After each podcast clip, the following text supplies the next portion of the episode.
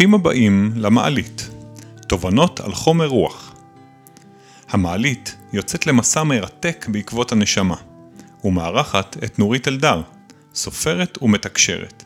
מסע הנשמה נמשך.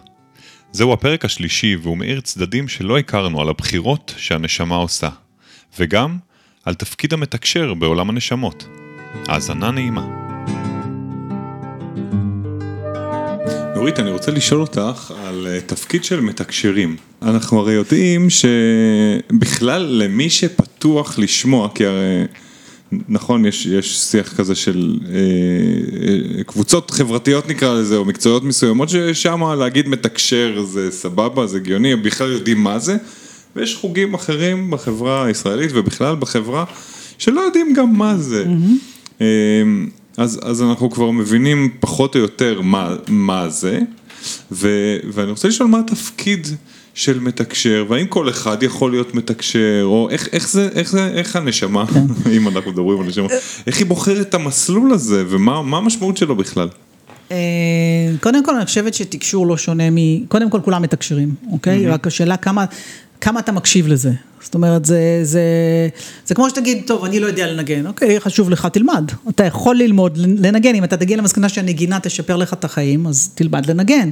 אז אתה לא תהיה מוצרט, אבל אתה יכול לנגן. זאת אומרת, כולם, כל הילדים מתקשרים. Mm-hmm. אפשר לראות את זה אה, לחלוטין, תינוקות מגיבים לאנשים, איך הם מגיבים, הם, לפני שהם מבינים הם מגיבים.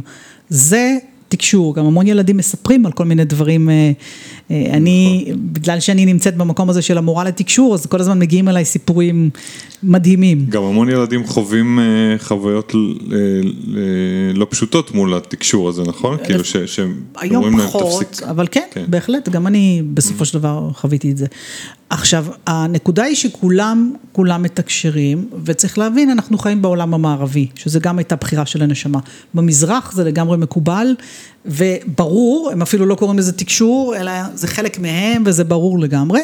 במערב, בגלל שהמערב הוא זה שהוביל את כל התיעוש, את כל הפיתוח, היה צריך מאוד את הרציונליות, היה צריך בעצם לוותר על הרצון, לוותר על המשמעות האישית. אנחנו נמצאים עכשיו בהתחלה של עידן שהתהפך בעצם, כי, כי הפיתוח, היום הפיתוח, אנחנו נכנסים למשהו אחר לגמרי, אבל mm-hmm. היום הפיתוח הוא של דרך אנשים בודדים, אז זה כבר לא, אבל עד לא מזמן אה, היה צריך שכולם יהיו בשביל המדינה וכולם יהיו בשביל התעשייה. אחד בשביל כולם, בדיוק. כולם בשביל אחד והמטרה מקדשת את האמצעים. נכון. נכון, ולכן לא היה מקום לתקשור. היום אני חושבת, קוראים לזה אינטואיציות. אתם יודעים, אינטואיציה זה, זה המילה הכשרה. יותר קל לעכל את זה. זה המילה נכון. הכשרה. זה המילה הכשרה לתקשור, ואני אומרת לאנשים, תקראו לזה אינטואיציה, תקראו לזה תחושות בטן, כולם מודים שיש להם את זה. לא הפנימי, להסביר, כן. הקול הפנימי. לא כולם. אתה יודע מה, גם, גם בעלי עסקים מאוד, כן, כן. מאוד זה, בכירים. זה ללא ספק שיח שמתפתח דרך מה שנקרא New Age, וב-20 שנה, 25 שנה האחרונות, זה בטח מקבל לגיטימציה יותר ויותר גבוהה. ובמובן הזה אגב אני מאוד מאוד מסכים איתך שאנחנו מאוד מתפתחים. נכון. עושים, עושים יפה מאוד, הטכנולוגיה נכון. מן הסתם משרתת את זה. בהחלט. ונוח יותר, אני במפגש שלי היומיומי עם אנשים, שאגב הם לאו דווקא אנשים שדוברים את השפה הזאת שאנחנו מדברים, עדיין התודעה של תודעת האחד ושכולנו... כל ישראל חברים אפילו, ניקח את זה למקום המסורתי. אה, היא, היא תודעה שמדברת על זה כבר ונינוחה יותר, ואנשים מדברים על חוויות של, אה, של חוץ, חוץ גוף והשיח מתפתח. נכון. מה התפקיד של המתקשרים? Mm. אין דבר כזה מתקשרים. זה, זה כמו שתגיד... אה, מה התפקיד של הנגנים? מה התפקיד של הנגנים או מה התפקיד של מטפלים? אוקיי, יש לך כל כך הרבה סוגים, כל כך הרבה משמעויות. אז לשים את זה כמתקשרים בתור... אה, כן, אני, השאלה הייתה ממקום שמדבר קצת עם המושג הזה ש, של מדריכים, שהבאת אותו כבר מתחילת השיחה פה. אני לא כל כך הבנתי אותו, אני מודה. מדריכים הם בעצם אנרגיות, ישויות, זה יכול להיות כל אחד, זה יכול להיות הבורא, הבריאה, היקום, כל אחד שיקרא לזה איך שהוא רוצה. שזה בעצם התדר, תדר שהוא יותר פתוח לי. יש כאלה ששומעים אבל מעטים, רובנו מרגישים או יודעים, שבעצם זו שיחה שאני זורקת שאלה ומרגישה את התשובה, וכשאני לומדת להקשיב לזה, אני רואה שיש ממש שיחה. ממש מקבלת ידע חדש, כן, מקבלת אה, הכוונה, מקבלת אה, תשובות, וככל שמפתחים את זה, אני, מה שאני עושה בחמש שנים האחרונות זה מורה לתקשור בעיקר, זה מה שאני הכי אוהבת, אה, ומורה להקשבה אני אקרא לזה. אני רק מלמדת אנשים להקשיב, אני לא חושבת שאפשר ללמד באמת תקשור, אפשר ללמד אנשים להקשיב, וברגע שהם לומדים להקשיב, אז רואים שיש את זה, פשוט רואים שיש את זה, וזה נורא נחמד, כי אחד הדברים הראשונים, בשיעור ראשון של קורס תקשור, פתאום, פתאום אנשים אומרים, אה, אה, לא ידעתי שאפשר. אז אני חושבת שההבנה הזאת שאנחנו, זה לא משנה, אין שם דמות, אין שם בן אדם שאיתו אני צריכה לדבר. אבל, אבל, כן. אבל יש פה, מה שיניב מכוון אליו, יש נשמות מפותחות יותר, כן. ונשמות מפותחות פחות. נכון. וכשאנחנו מדברים על נשמה שהיא מוגדרת כמדריך, נשמה שעשתה הרבה מאוד תהליכים של הבנה ופענוח והסבר ולמידה ועוד ועוד ועוד, היא יכולה להיות מדריכה של נשמות צעירות יותר, mm-hmm. או נשמות שעוד לא הגיעו לרמת ההתפתחות התדרית, האנרגטית mm-hmm. שלה. Mm-hmm. נכון. אז, אז, אז יניב שואל על המקום הזה. כן, אז אני אומרת, זה, אנחנו בעצם מתחברים לאיזשהו תדר, שהוא תדר שהוא נמצא ב... או, או אני קוראת לזה מדריך, ואני אפילו mm-hmm. מרגישה שאני מדברת עם בני אדם, למרות שהם ממש לא בני אדם, של או שהם ברמה שלי, או שהם ברמה גבוהה יותר. Mm-hmm. בעצם, סביר להניח שזה גם אנרגיות שאנחנו מכירים מלמעלה. כי אני לא אבחר מדריך שאני לא מכירה, אני בוחרת אותם. אה, זה לא שמישהו מנחית עליי, אין, אין, כל המושג של ההנחתה מלמעלה לא קיים למעלה, אני בוחרת את המדריך. זו נורא שאלה ש... שעולה לי גם תוך כדי השיחה פה, מי מנהל את, ה... מי מנהל את האירוע? מי מנהל את התחנה הזאת? מי אנחנו... מנהל את היקום הזה, את כל הסיפור הזה, את, את כל המרחב האדיר הזה, האינסופי, שכל הנשמות נמצאות וכל המדריכים שם, ואתה בא והכל ירוק. יש, יש מנהל, מנהלת אולי לסיפור הזה? אחד הדברים, אני אגיד ככה, אחד הדברים שהם ביקשו ממני בצורה מפורשת זה לא לדבר על האלוהות. ולמה לא לדבר על, על, על האלוהות? כי הם אומרים שזה אחת מהבחירות החופשיות הכי משמעותית שקיימת לאדם. להאמין או לא להאמין, זו בחירה חופשית. אתה יכול לעשות את החיים שלך נפלאים אם אתה מאמין באל, אתה יכול לעשות את החיים שלך נפלאים אם אתה לא מאמין באל. אבל אין ספק, בין אם אנחנו נקרא לזה אלוהים עם הזקן הלבן של היהדות, ובין אם אנחנו אה, נקרא לזה אלוהות, אין ספק ש... מה זה הניצוץ האלוהי? זאת אומרת, חלק מהאנרגיה שלנו, בין אם קוראים לזה הניצוץ האלוהי במובן של mm-hmm. אלוהים של הדת, ובין אם אני אקרא לזה של היקום, חלק מכל אחד מאיתנו, זה מין אנרגיה, שוב, זה פירמידה, אבל לא פירמידה פיזית, פיזית. אלא פירמידה אנרגטית, שחלק מאיתנו, אה, מתנקזת האנרגיה בסוף לאיזה מוקד אנרגטי מאוד מאוד משמעותי, שכולל את החוכמה הכי גדולה, הכי נקייה, הכי טהורה, וזה בעצם כולל את החוכמה של כולנו. או שאנחנו כוללים את החוכמה ההיא, זאת אומרת, יש את החיבור הזה. זאת אומרת, אנחנו חלק מי, אנחנו חלק מי. זה גם תודעה שקיימת כבר פה. אנחנו, אנחנו חלק מ... חלק אלוה ממעל, נכון? נכון. אנחנו ממש פיקסל אחד בתוך תמונה, ואנחנו נכון. מכילים את כל התמונה. והכל בעצם. מחובר.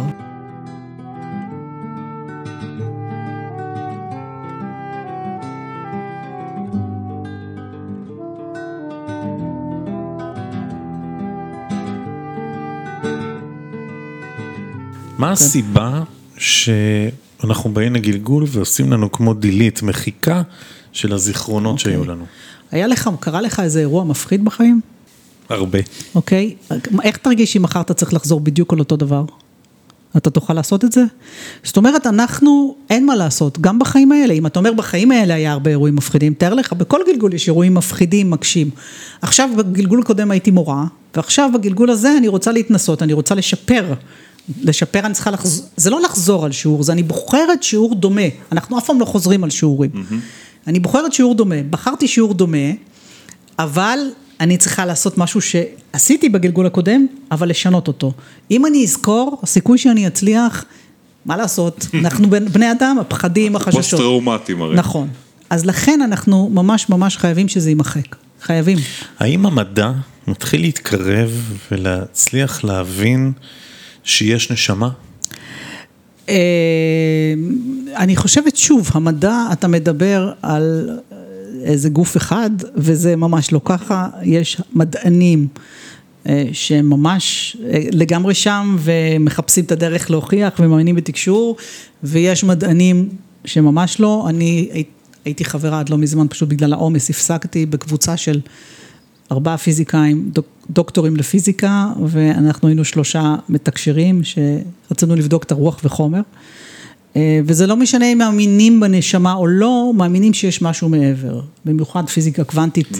כן, אבל הכלים שלנו, נכון, אם, אם אנחנו מדברים על הכלים שיש היום למדע, שזה מחשוב מאוד מתקדם, ויכולות uh, לפתח מחשוב קוונטי, שהוא לא עובד כמו מחשב אנלוגי של 0 ו-1, אלא יודע לעבוד במקביל, במקביל. Mm-hmm. גוגל כבר פיתחו כזה דבר. מדברים על זה שמתישהו יהיה, תהיה נקודה סינגולרית, שה, שהמדע יעבור את היכולות של התודעה של האדם, נכון. של המוח של האדם, נכון. ואפשר יהיה לשכפל תודעה. נכון. אז אם יהיה אפשר לקחת את התודעה שלנו ולשכפל אותה, אז למדע יש כלים למדוד תדר אנרגטי. זה הוא יודע לעשות.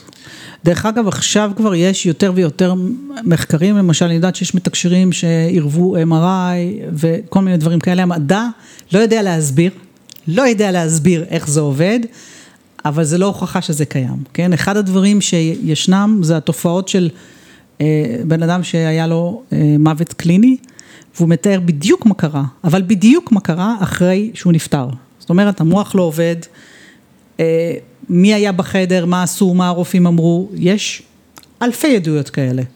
הרופאים לא יודעים להסביר את זה, המדענים לא יודעים להסביר את זה, אבל לא מקבלים את זה הוכחה שהנשמה ממשיכה לחיות.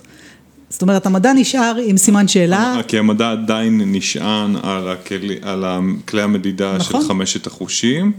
אה, אני חושב שהשאלה שלך על, על מדע וכל, ה, וכל השיחה שלנו פה, היא גם, אה, אני לפחות שומע איזושהי שאלה, איך אפשר לעזאזל. להוכיח. להוכיח, לכולם. והמדע, יש לו גם תפקיד נורא אה, חשוב, במיוחד בחברה המערבית.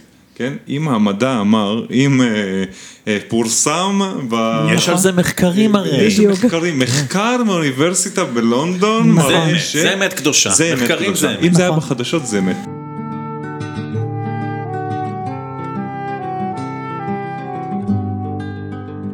אני לא מזלזל בזה, כי, כי גם לזה יש, הרי אנחנו לא יכולים בשיחה על, אה, על דיוק ועל שליחות ושכל מה שקורה הוא נכון, פתאום להגיד, ראה, המדע סתום, כן? או המדענים, הם, הם, הם, הם, אם הם לא ראו וחשו, אז זה לא. גם להם יש איזה כנראה תפקיד, ב, המדע הוא איזה buffer לתודעה האנושית הגלובלית, הכוללת. עכשיו, אנחנו יכולים לשבת פה בכיף שלנו ולהגיד הלוואי ולא היה את ה buffer הזה, יאללה בוא נתחבר כולנו למסע הרחב הנהדר הזה ומספיק כבר עם העיכובים, מספיק. יש, יש שם איזה תפקיד, אני, אני, אני מרגיש מדענים, אותו, מרגיש אותו. אם אנחנו נדבר על איינשטיין למשל, mm-hmm. שבוודאות אמר אה, יש דברים מעבר, ואני חושבת שהוא כמעט, הוא לא קרא לעצמו מתקשר, אבל הוא מאוד מאוד הודה בדברים האלה. יש הרבה מדענים שמודים בדברים האלה, אבל זה עדיין לא... לא, לא הוכחה. אז יש גם איזשהו, אה, הדברים שלי הלכו למקום שיש תחושה שיש איזה קצב נכון, נכון, של התפתחות התודעה האנושית. אנחנו יכולים לספר לעצמנו סיפור שאולי אסור להתפתח מהר מדי, או שיש פה איזה, או איזה אה, קצב מדויק, אבל יש קצב. לי עלתה שאלה אחרת. אני רוצה להתחבר לנשמה שלי. אנחנו מדברים על נשמה מלא, אנחנו מנתחים ומסבירים, ויש פה תיאורים באמת פותחי אה, ראש ולב, אבל אני רוצה להתחבר לנשמה, הרי הנשמה היא לא, היא, היא כן אני ולא אני, ויש גוף, ויש עניינים, ויש... אה, ואני מצליח לראות כבר תמונה קצת יותר רחבה, ועדיין בא לי להכיר אותה יותר טוב. איך אני, איך אני מדבר איתה? נורית, תעזרי לי לדבר עם הנשמה שלי. האמת שהדברים הם כל כך הרבה יותר פשוטים. אנחנו רק צריכים לשחרר את השיפוטיות. כמעט. אה. האויב הכי גדול של תקשור זה שיפוטיות. כי אם אני אגיד לך, בוא תנהל עכשיו שיחה, אם אנחנו נחזור לך, בוא תנהל שיחה עם אבא שלך. ותרגיש מה הוא אומר. אבל תעשה את זה אני תמיד אומרת בואו נשחק, אוקיי? כי אם אני מנסה להיות רציונלית והגיונית, זה מיד חוסם. אבל בואו נשחק, ואני אגיד לך ככה היום אחרי הצהריים, שב, או שתכתוב את זה או שתקליט את זה, אני אוהבת להקליט באופן אישי, תנהל, תשאל שאלה, תקבל תשובה, שאל שאלה, תקבל תשובה, שאל... ומה שעולה לך בבטן תגיד, מה שבא לך, אתה תקרא את זה אחר כך, אתה תהיה בשוק. גדול. תגיד, מה? איך זה יכול להיות? לפעמים, לפעמים קורים דברים, אנשים אומרים את זה, אני אמרתי, זה לא אני אמרתי, זה לא מילים שלי. אני אומרת לו, אוקיי, תראו, וככה מתחילים, אותו דבר עם הנשמה. זאת אומרת, אתה אומר שאתה לא מדבר עם הנשמה, אתה בוודאי מדבר עם הנשמה. כשאתה הולך אחרי המשהו הפנימי הזה, מה זה המשהו הפנימי הזה, מה זה התחושת, למי יש את התחושת שליחות? לך בתור בן אדם? לא. זה רק לנשמה יש את תחושת, כי כבן אדם אתה בא, בן אדם בעיקר קשור לחומר, קשור להנאות, רוצה את הביטחון. הדחף לעשות דברים משמעותיים, ההשפעה זה מגיע מ... באמת מהשליחות הנשמתית. אז אתה כן מדבר עם הנשמה, רק לא בצורה ברורה. אבל אם אתה תשב ותגיד, יאללה, אני רוצה לדבר עם הנשמה. מה שאני עושה, אני מדמיינת דמות שקופה שלי מולי, סתם כי יותר נוח לי. ואני מדברת איתה, ואני שואלת אותה שאלות, ואני מרגישה את התשובות בבטן. עכשיו, ככל שמשחקים עם זה יותר, זה נהיה יותר מדויק. אני חייבת להגיד, שכיוון שכמו שאמרתי לכם, זה נפתח לי בלי שאני הבנתי, אני הייתי מאוד לא מדויקת, מאוד מגושמת, אה, לא ידעתי לדבר עם המדריכים, היו לי מדריכים, כי ראיתי אותם, אבל לא ידעתי לדבר איתם, לקח לי שנתיים ללמוד לדבר עם המדריכים שלי מרגע שראיתי אותם. כי משהו ב... ב לא שחררתי בקיצור. אני היום מבינה שזה כל העניין. עכשיו, על לשחרר, נורא קשה לנו לשחרר, אנחנו אנשים רוצים, mm-hmm. רוצ... אבל, אבל לשחק כן. אז לשחק בכאילו, בשקט, בשקט, בלי שאף אחד ידע, לא לגלות, זה עובד. ואז פתאום אומרים, וואו, יש כאן תהליך מדהים, אז אני קוראת לזה, בואו ל La La Land, תתחילו לדבר לעצמכם, לפתח את היכולות, לפתח את הקולות, מרגישים את הקול, יש לי קול כזה, יש לי קול, מי זה הקול הזה שמדבר אליי ככה, מי זה הקול שמדבר אליי ככה, אם אנחנו לא ניבהל מזה, פתאום נראה שיש לנו עולם עשיר של קולות, ולכל יש דמות, לכל קול יש אישיות. ואז אני אומרת, רגע, זה כל הנשמה שלי, זה בכלל, נראה לי שזה סבתא שלי, למה כך נראה לי? מה, אני צריכה הוכחה? כן, לא. אני לא צריכה הוכחה. ואז הידיעה, אנחנו... הידיעה היא הוכחה בעצם. התחושה. אם אני מפסיקה, בסדר, אני ממציאה, מה זה אכפת לי? אני ממציאה. זאת אומרת, אני חייבת להגיד שאני עד היום מרגישה שאני ממציאה את הכל. אני יודעת שזה לא, אבל אני מרגישה שאני ממציאה את הכל. כי אני לא שומעת קולות, ואני לא, אני רק מתחברת למה שאני מרגישה. ולמדתי לסמוך על זה, אבל זה למדתי. אני חייב להגיד לך שאני מזדהה עם מה שאת אומרת, אבל אני, ככל שאני מתבגר, אני נאחז בהמצאות שלי. מצוין. נאחז ב? בהמצאות שלי. בהמצאות שלך. זאת אומרת, אני פתאום מבין שכל מה שהוא פה, והוא עטיפה, אני מצליח להיכנס פנימה ולראות את הזיקוק שלו, ואני פתאום אומר, אני מתאהב מחדש בדברים ש... שהרחקתי אותם מעצמי, או שהסביבה דאגה להרחיק אותם. ההבנות שלי, הדברים שאני רואה מאחורי הקלעים של אנשים, ופתאום בעולם החומר פתאום אני מקבל פידבק, וואי, איך ראית את זה, איך אתה מצליח להבין את זה, איך לא ראיתי את הזווית הזאת ואת הזווית הזאת, פתאום, זאת אומרת, זה לא, הסיפור הוא לא על דני, אלא על זה שאם אני מעז להיכנס פנימה, נכון. ולהתיידד ולבדוק במציאות את הפנימיות שלי, וגם לתת לה ביטוי בחוץ, המציאות מביאה לי בצורה מאוד מאוד משמעותית את ההוכחה לזה שזה היה נכון. נכון.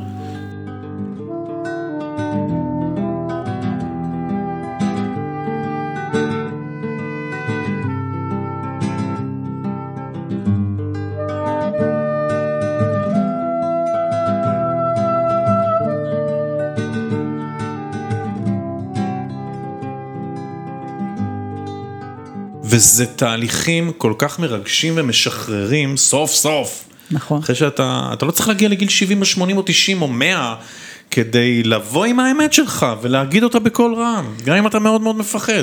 אבל רגע, יש לי שאלה אחרת. אני, אני רק רוצה, לפני, ש, לפני שאתה הולך לשאלה, אני מאוד מאוד אהבתי את מה שאתה אמרת, והנקודה היא כזאת, שיכולים להיות שני קולים, קולות בפנים. זאת אומרת, יש לי את הקול שאומר, בוא'נה, את ממציאה, כל מה שאת אומרת זה קשקוש, אבל אני לא נותנת לו כבר להיות שם. אני מדברת למרות זה, ואני אומרת, מקסימום, היום...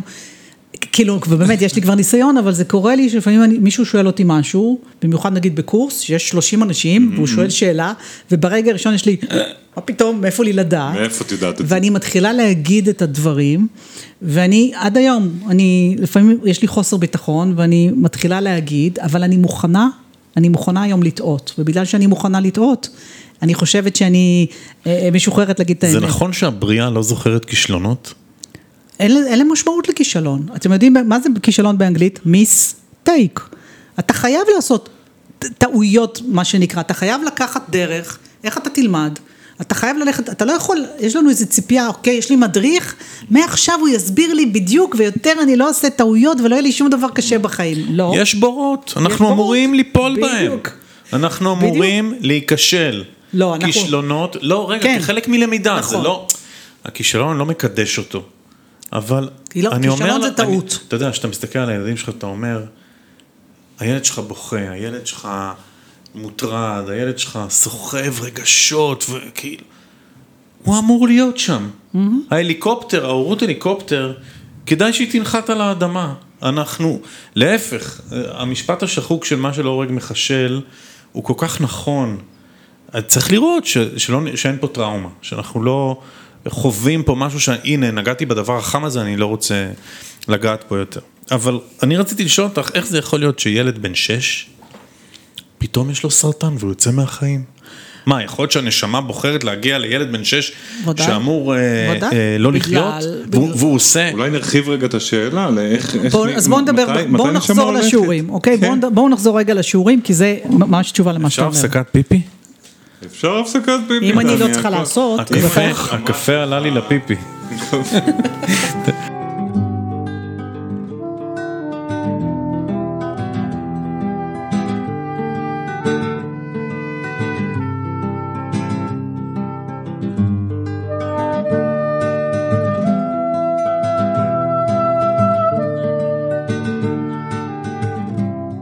רוצה להסביר מה, מה זה שיעורים, אוקיי? מה המהות של שיעורים.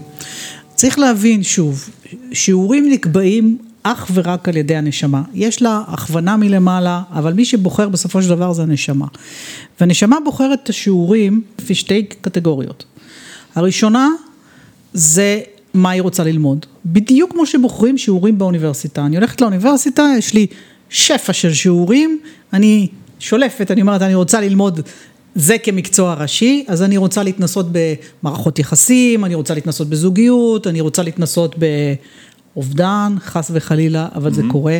אני בוחרת את המוטיב, את השיעור הראשי, ואחר כך אני בוחרת בעצם גם תתי שיעורים. אז אמרתי שתי קטגוריות, אחת זה מה מעניין אותי, עכשיו נשמה לא, לא מתמחה בכל הדברים, כי יש לה נשמה אישיות, ונשמה רוצה להתפתח בכיוונים. שמתאימים לאישיות שלה, אז לא כל הנשמות מתנסות באותם שיעורים.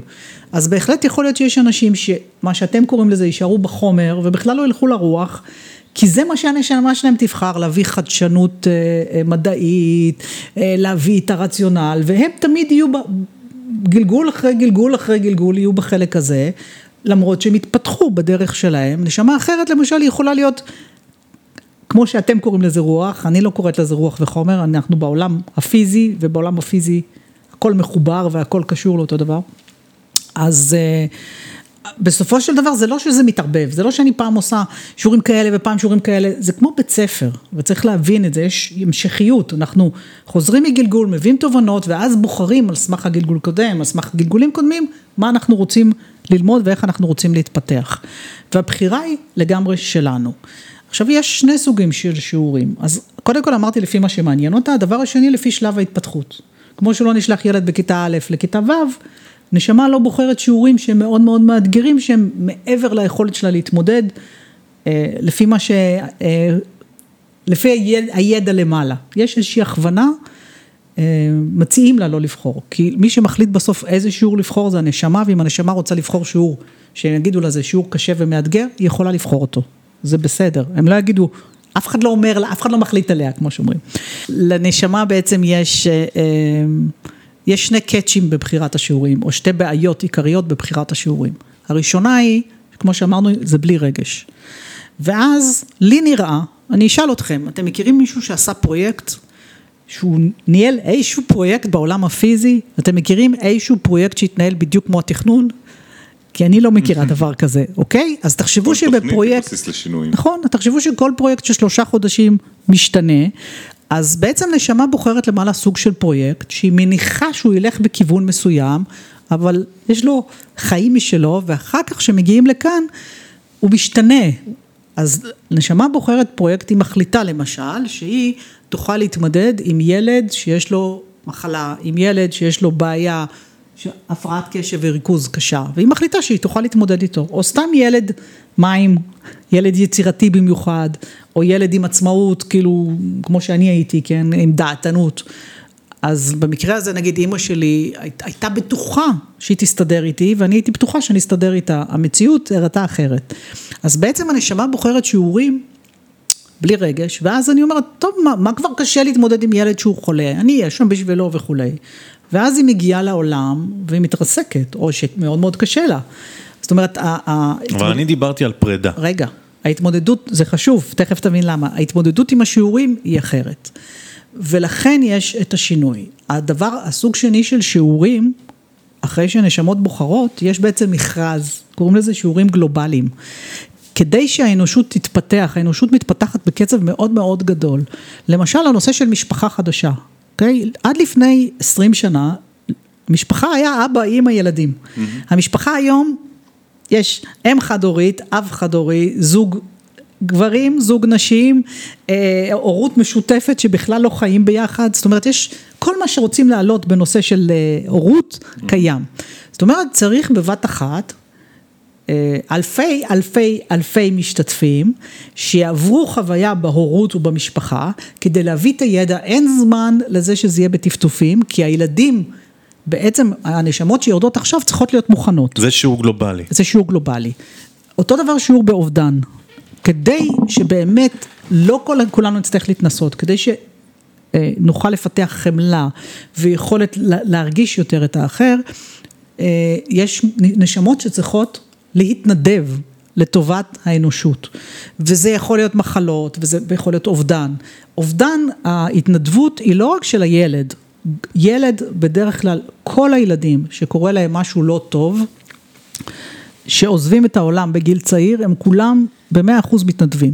הם לא עושים את זה בשביל עצמם, בטח אם זה בגיל שנה, כן? ילד לא מסוגל עוד להבין, הוא לא מסוגל לקחת תובנות, הוא עושה את זה כהתנדבות לאנושות, אבל גם ההורים שלו מתנדבים. הם בחרו, הם הסכימו. מתנדבים למה? ללמד מה?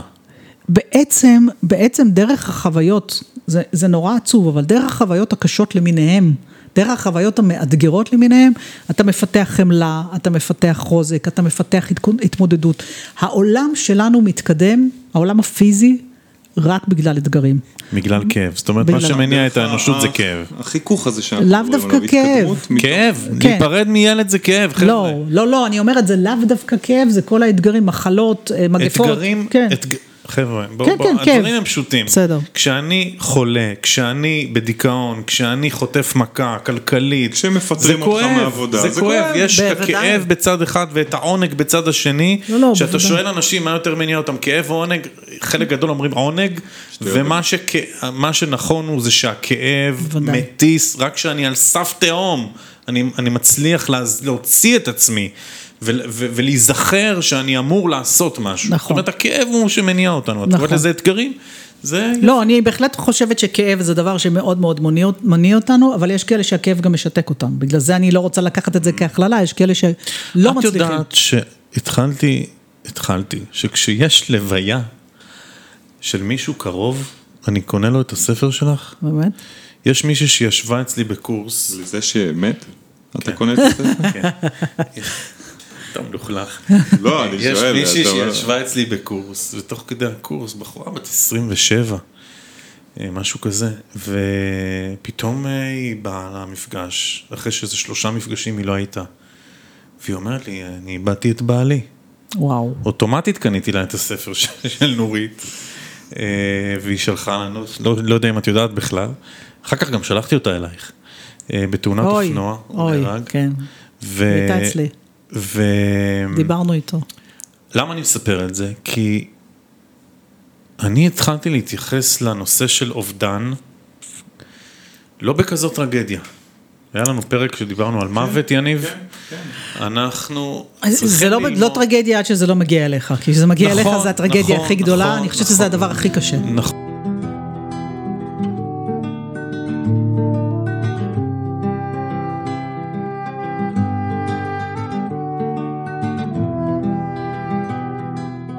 ואני גדלתי בבית שבו האבא שלי איבד את אחיו, והשכול היה אצלנו נוכח באיזושהי מידה. סליחה על השיפוטיות ועל התעוזה, רגע, תעוזה ללכת למקום הזה של אם אנחנו מסתכלים בצורה מפוקחת, בזום אאוט הכי גדול שאנחנו יכולים, על הנושא של הגלגולים ועל הנשמה, אז פרידה היא חלק מהחיים. נכון. ואני אוהב מישהו, אז אני מתישהו נפרד ממנו, וזה, נחשוב על זה, אני דמיינתי מה יכול לקרות אם, אני העזתי לדמיין, כן. אם אני אפרד מהאיילה, אם אני אפרד מהילדים שלי, mm-hmm. או מהמשפחה היותר מורחבת שלי, ואיכשהו אני עושה לעצמי איזושהי מין חשיבה שאני אומר, וואלה, זה ככה אמור להיות אולי. אני חושבת שיש פער מאוד גדול בין, בין, בין מה שקורה בפועל לבין ההכנה הזאת. אה, כי באמת, אני, יש את הצד הרציונלי ואת הצד הרגשי, ברציונל מבינים, הרבה מבינים, בצד הרגשי זה איזה חור באמת בלב. אבל אנחנו יכולים גם לראות, אני תמיד, יש לי מול העיניים בשיחות מהסוג הזה, משפחות, אני הולך לעשות פה עכשיו איזו הכללה, אבל, אבל אני, אני רואה את זה, משפחות דתיות, נכון. כן? אה, שמחזיקות את כוח האמונה המאוד חזק, נכון. ואומרים, ברור לי שרגשית זה קשה לאבד שם ילד או לאבד אה, אה, אבא או לאבד משפחה שלמה לפעמים בפיגועים וכאלה, אבל אני רואה שם יותר חוסן, נכון. ואני רואה שם אומרים, יש את האמירה הזאת, אדוני נתן, אדוני לקח, יהי שם השם מבורך, או איזו תפיסה אישית של זה חלק מה... נכון, זה חלק הכוונה מלמעלה, אין מה לעשות. ברור שרגשית, אין לי ספק, אני לא חושב שהם מחלקים את זה, טוב, בא, הלך, יאללה. אבל יותר קל לעיכול. נכון. למה אני אומר את זה? כי אני חושב שזה שיעור לכולנו. באיזשהו מקום, אפילו לא שיעור, אלא להתחיל בהבנה של אפשר גם להסתכל על דברים נכון. אחרת. ואני רוצה להגיד שאובדן, אנחנו רגילים להגיד שאם ילד הלך לאיבוד אז, אז זה נורא נורא כואב, ואם מישהו בן 90 אה, אז זה לא כואב, אבל לפעמים הכאב הוא לא פחות, הוא לא פחות גדול, ואובדן זה חלק מהשיעורים, אבל זה מה שמביא להמון חמלה. כי אני לא צריכה לחוות אובדן כדי שתהיה לי חמלה, כי כשאני רואה מישהו שאיבד את הילד שלו, אין, אין אפשרות שלו להרגיש חמלה. נפתח הלב, ואנחנו עושים, אחר כך אנחנו נהיה ביותר חמלה גם לאחרים. אז אובדן זה חלק מהשליחות, והם, אני אגיד משהו שהוא אה, מאוד משמעותי, בדרך כלל מי שעזב את העולם לא סובל מזה שהוא עזב את העולם. מי שסובל זה אנחנו, אנחנו שנשארים כאן. כי הם למעלה, קודם כל הם רואים אותנו. אנשים מדברים, אומרים, תגידי להם מה שאני אומרת, אז אני אומרת, הם שומעים, הם שומעים, אתם לא צריכים לדאוג, שומעים אותנו מלמעלה לחלוטין, את כולם. הם רואים אותנו, לא איזה חולצה אתה לובש, אבל רואים את האנרגיה, את התדר, הם נמצאים איתנו, המון אנשים מעידים על זה שבחג הם מרגישים, בחתונות, ממש מרגישים. נכון, או שיש דמות מסוימת, בדיוק. סבתא, שאני יודעת שהיא איתי, אני יודע ש, שהוא שומר עליי, אני, אני יודע שזה נמצא. נכון, אז אנחנו יכולים באמת להרגיש אותם, והם, אם, אני תמיד אומרת, תראו, אם אנחנו ניקח את הגלגולים, וזה אחד הדברים שככה מאוד, לפחות את הרציונל הם מסדרים, אם אני מבינה שהגלגולים זה כמו בית ספר, אוקיי? ועכשיו, אה, אה, יש לי חבר של הבן שלי, שכשהוא היה בכיתה ב', הוא היה חולה והוא הפסיד חצי מהשנה. Big deal. הוא השלים. מישהו זוכר שהוא לא היה חצי שנה. זאת אומרת, מבחינת הנשמה אין שום מטרה לחיות 80 שנה, או 90 או 100. שום מטרה. המטרה היא לעשות שיעורים מסוימים, ואם אני צריכה לעשות שיעורים מסוימים בתחום מסוים ואני מסיימת אותם אחרי 19 שנה, אז אני אתפוס טרמפ ואני גם אהיה בשליחות שאחרי 19 שנים אני אעזוב את העולם ואני גם אעשה שירות לאנושות. הנקודה היא שזה תמיד בהסכמה. כל מי שנמצא, עכשיו זה, אנשים כועסים על זה, כי אומרים, איך יכול להיות שאני הסכמתי לאבד את הילד שלי? לא ברמה שכלית, ברמה נשמתית. ואני אומרת, תראו, אנשים בחיים האלה הורגים את עצמם בשביל חברים, נכון? החיילים שקופצים על מוקשים כדי להציל אחרים. למה שבן אדם יודע שהוא הורג את עצמו בשביל להציל את האחר? למה שזה יקרה? זו השליחות הפנימית שיש לנשמות, וזה מה שקורה למעלה. שאני מבינה שאני הולכת לאבד ילד כדי להביא תובנות משמעותיות, כדי להביא דרך התמודדות, כדי לעשות את זה, ואני מרגישה שאני מביאה מתנה ענקית לאנושות, ושאני מאפשרת לאותה נשמה שהולכת להיות הילד שלי להביא מתנה ענקית לאנושות, אני חלק ממשהו גדול, אז אני אבחר את זה למעלה. אומרים שאנחנו חוד החנית של הבריאה, mm-hmm. בכדור הארץ, mm-hmm. שההתפתחות פה עלי אדמות היא פי כמה מאשר להיות במימד ההוא, נכון. של אחרי המוות. נכון. קוראת לזה למעלה. כשאנחנו חווים בגוף כנראה שהמסקנות שאנחנו יכולים להביא בחומר, ואנחנו מחברים כל מיני אנרגיות שאנחנו פה, הן לאין ארוך מקדמות את הבריאה מאשר אם אנחנו רק שם. עכשיו נכון. יש נשמות שהן גמרו פה את התרגיל, נכון? מה הן עושות? אה, קודם כל אני רק אחדד למה זה ככה מה שאתה אומר, וזה נכון מאוד. אה, פה זה מעבדה, אוקיי? תחשבו, כל מחקר חייב מעבדה. אי אפשר להישאר בתיאוריה, למעלה זה העולם התיאורטי, הם מאבדים את המחקרים שלנו, הם מאבדים את התובנות, מאבדים את התוצאה, אבל אם לא יהיה את הנתונים, אנחנו מביאים את הנתונים, אנחנו הדאטה, אנחנו מביאים את כל החומר, אז גם אם אנחנו לא הסקנו את המסקנות, העובדות, אנחנו חווינו אותן. ההתמודדויות, כל, כל הנקודות מבט, כל מה שקורה, זה בעצם החומר לעבודה שלהם. ורק כשבעצם הם כל הזמן מחוברים אלינו, הם לא מחכים שנעלה למעלה, הם גם עכשיו הם מחוברים לדעת מה קורה כאן. אז זה, זה מאוד משמעותי, ואי אפשר לעשות את הדברים בתיאוריה. ולמעלה, כיוון שאין להם רגשות, הם לא יכולים לעבור את אותן התנסויות שאנחנו עוברים. ההגעה, למעלה יש אחדות, אבל אי, זה, לא, זה לא משהו ש, שחובק את כל היקום. כדי שזה יחבוק את כל היקום, אנחנו צריכים לעשות את זה דרך קושי, דרך הכאב, כמו שאמרת קודם. אבל רגע, תחזרי לעניין, אם גמרתי את, השיעור, את השיעור שלי פה. קודם כל זה... או את השיעורים, אולי זו סדרה של שיעורים. זה, ברור שזה שיעורים, בעצם סיימתי ללמוד, סיימתי את התואר, אוקיי? אז כמו כאן, יש נשמה שסיימה תואר ראשון והחליטה שמספיק לה, ויש נשמה תואר שני, ויש נשמה post, post, post, post, post, כן? ואז היא עושה עוד תואר. אין מישהו שאומר, טוב, סליחה, סיימתי, הנה הגעת לקחי תעודה. בעצם נשמה שהחליטה שמספיק לה, שהיא כבר יש לה את כל מה שיש לה, היא מפסיקה לרדת לגלגול. קודם כל זה מתחיל בזה שהיא יורדת פעם ב... אוקיי? היא כבר לא יורדת. היא שחיקה, נשמה שחוקה. לא, להפך, נשמה שמיצתה. אה, זה כאילו, כן. הבנתי את הרעיון, מה שנקרא. אוקיי. וזה בחירה חופשית, ואז יש לי מדריכים אה, אה, שנגיד אחת המדריכות שלי 300 שנה שם כבר למעלה, ולא נראה לי שהיא הולכת לרדת בזמן הקרוב. הם בעצם הופכים להיות מדריכים, כולנו גם סוג של מדריכים, כי תמיד יש נשמות יותר צעירות, יש לנו תפקידים למעלה, אנחנו לא סתם. אז לנשמה יש גם גיל בעצם? יש גיל התפתחותי.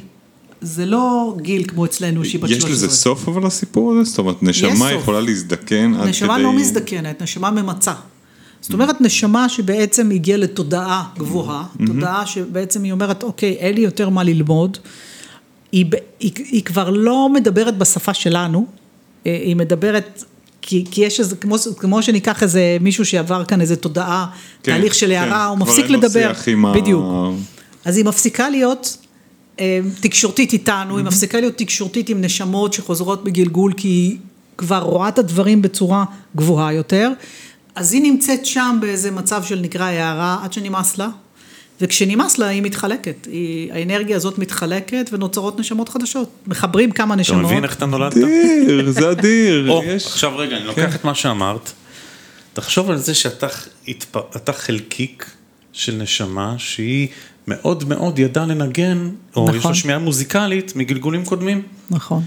זאת אומרת, הצד הזה שלך מאוד מאוד מאוד מפותח, כי אתה היית מואר, אתה חלקיק של משהו. אתה מבין איזה דבר גאוני זה פתאום לראות בן אדם. אני ממש מצליח לראות את התמונה של הדבר הזה, גם של להיות חתיכות הפאזל. אבל זה רק כשהנשמה נולדת, זאת אומרת, אחרי זה היא מתחילה להתפתח. כן, וגם המסלול ההתפתחותי, אני חושב, דני, יש משהו בשיחה הזאת שלנו פה עם נורית, שעושה לי תחושה שהנשמה היא משהו אנושי כאילו אנחנו מדברים... יהודי טוב כזה? מרק? טוב, אנושי. אנושי, היא לומדת, והיא לא, כאילו זה לא, אין הפרדה טוטאלית כזאת בין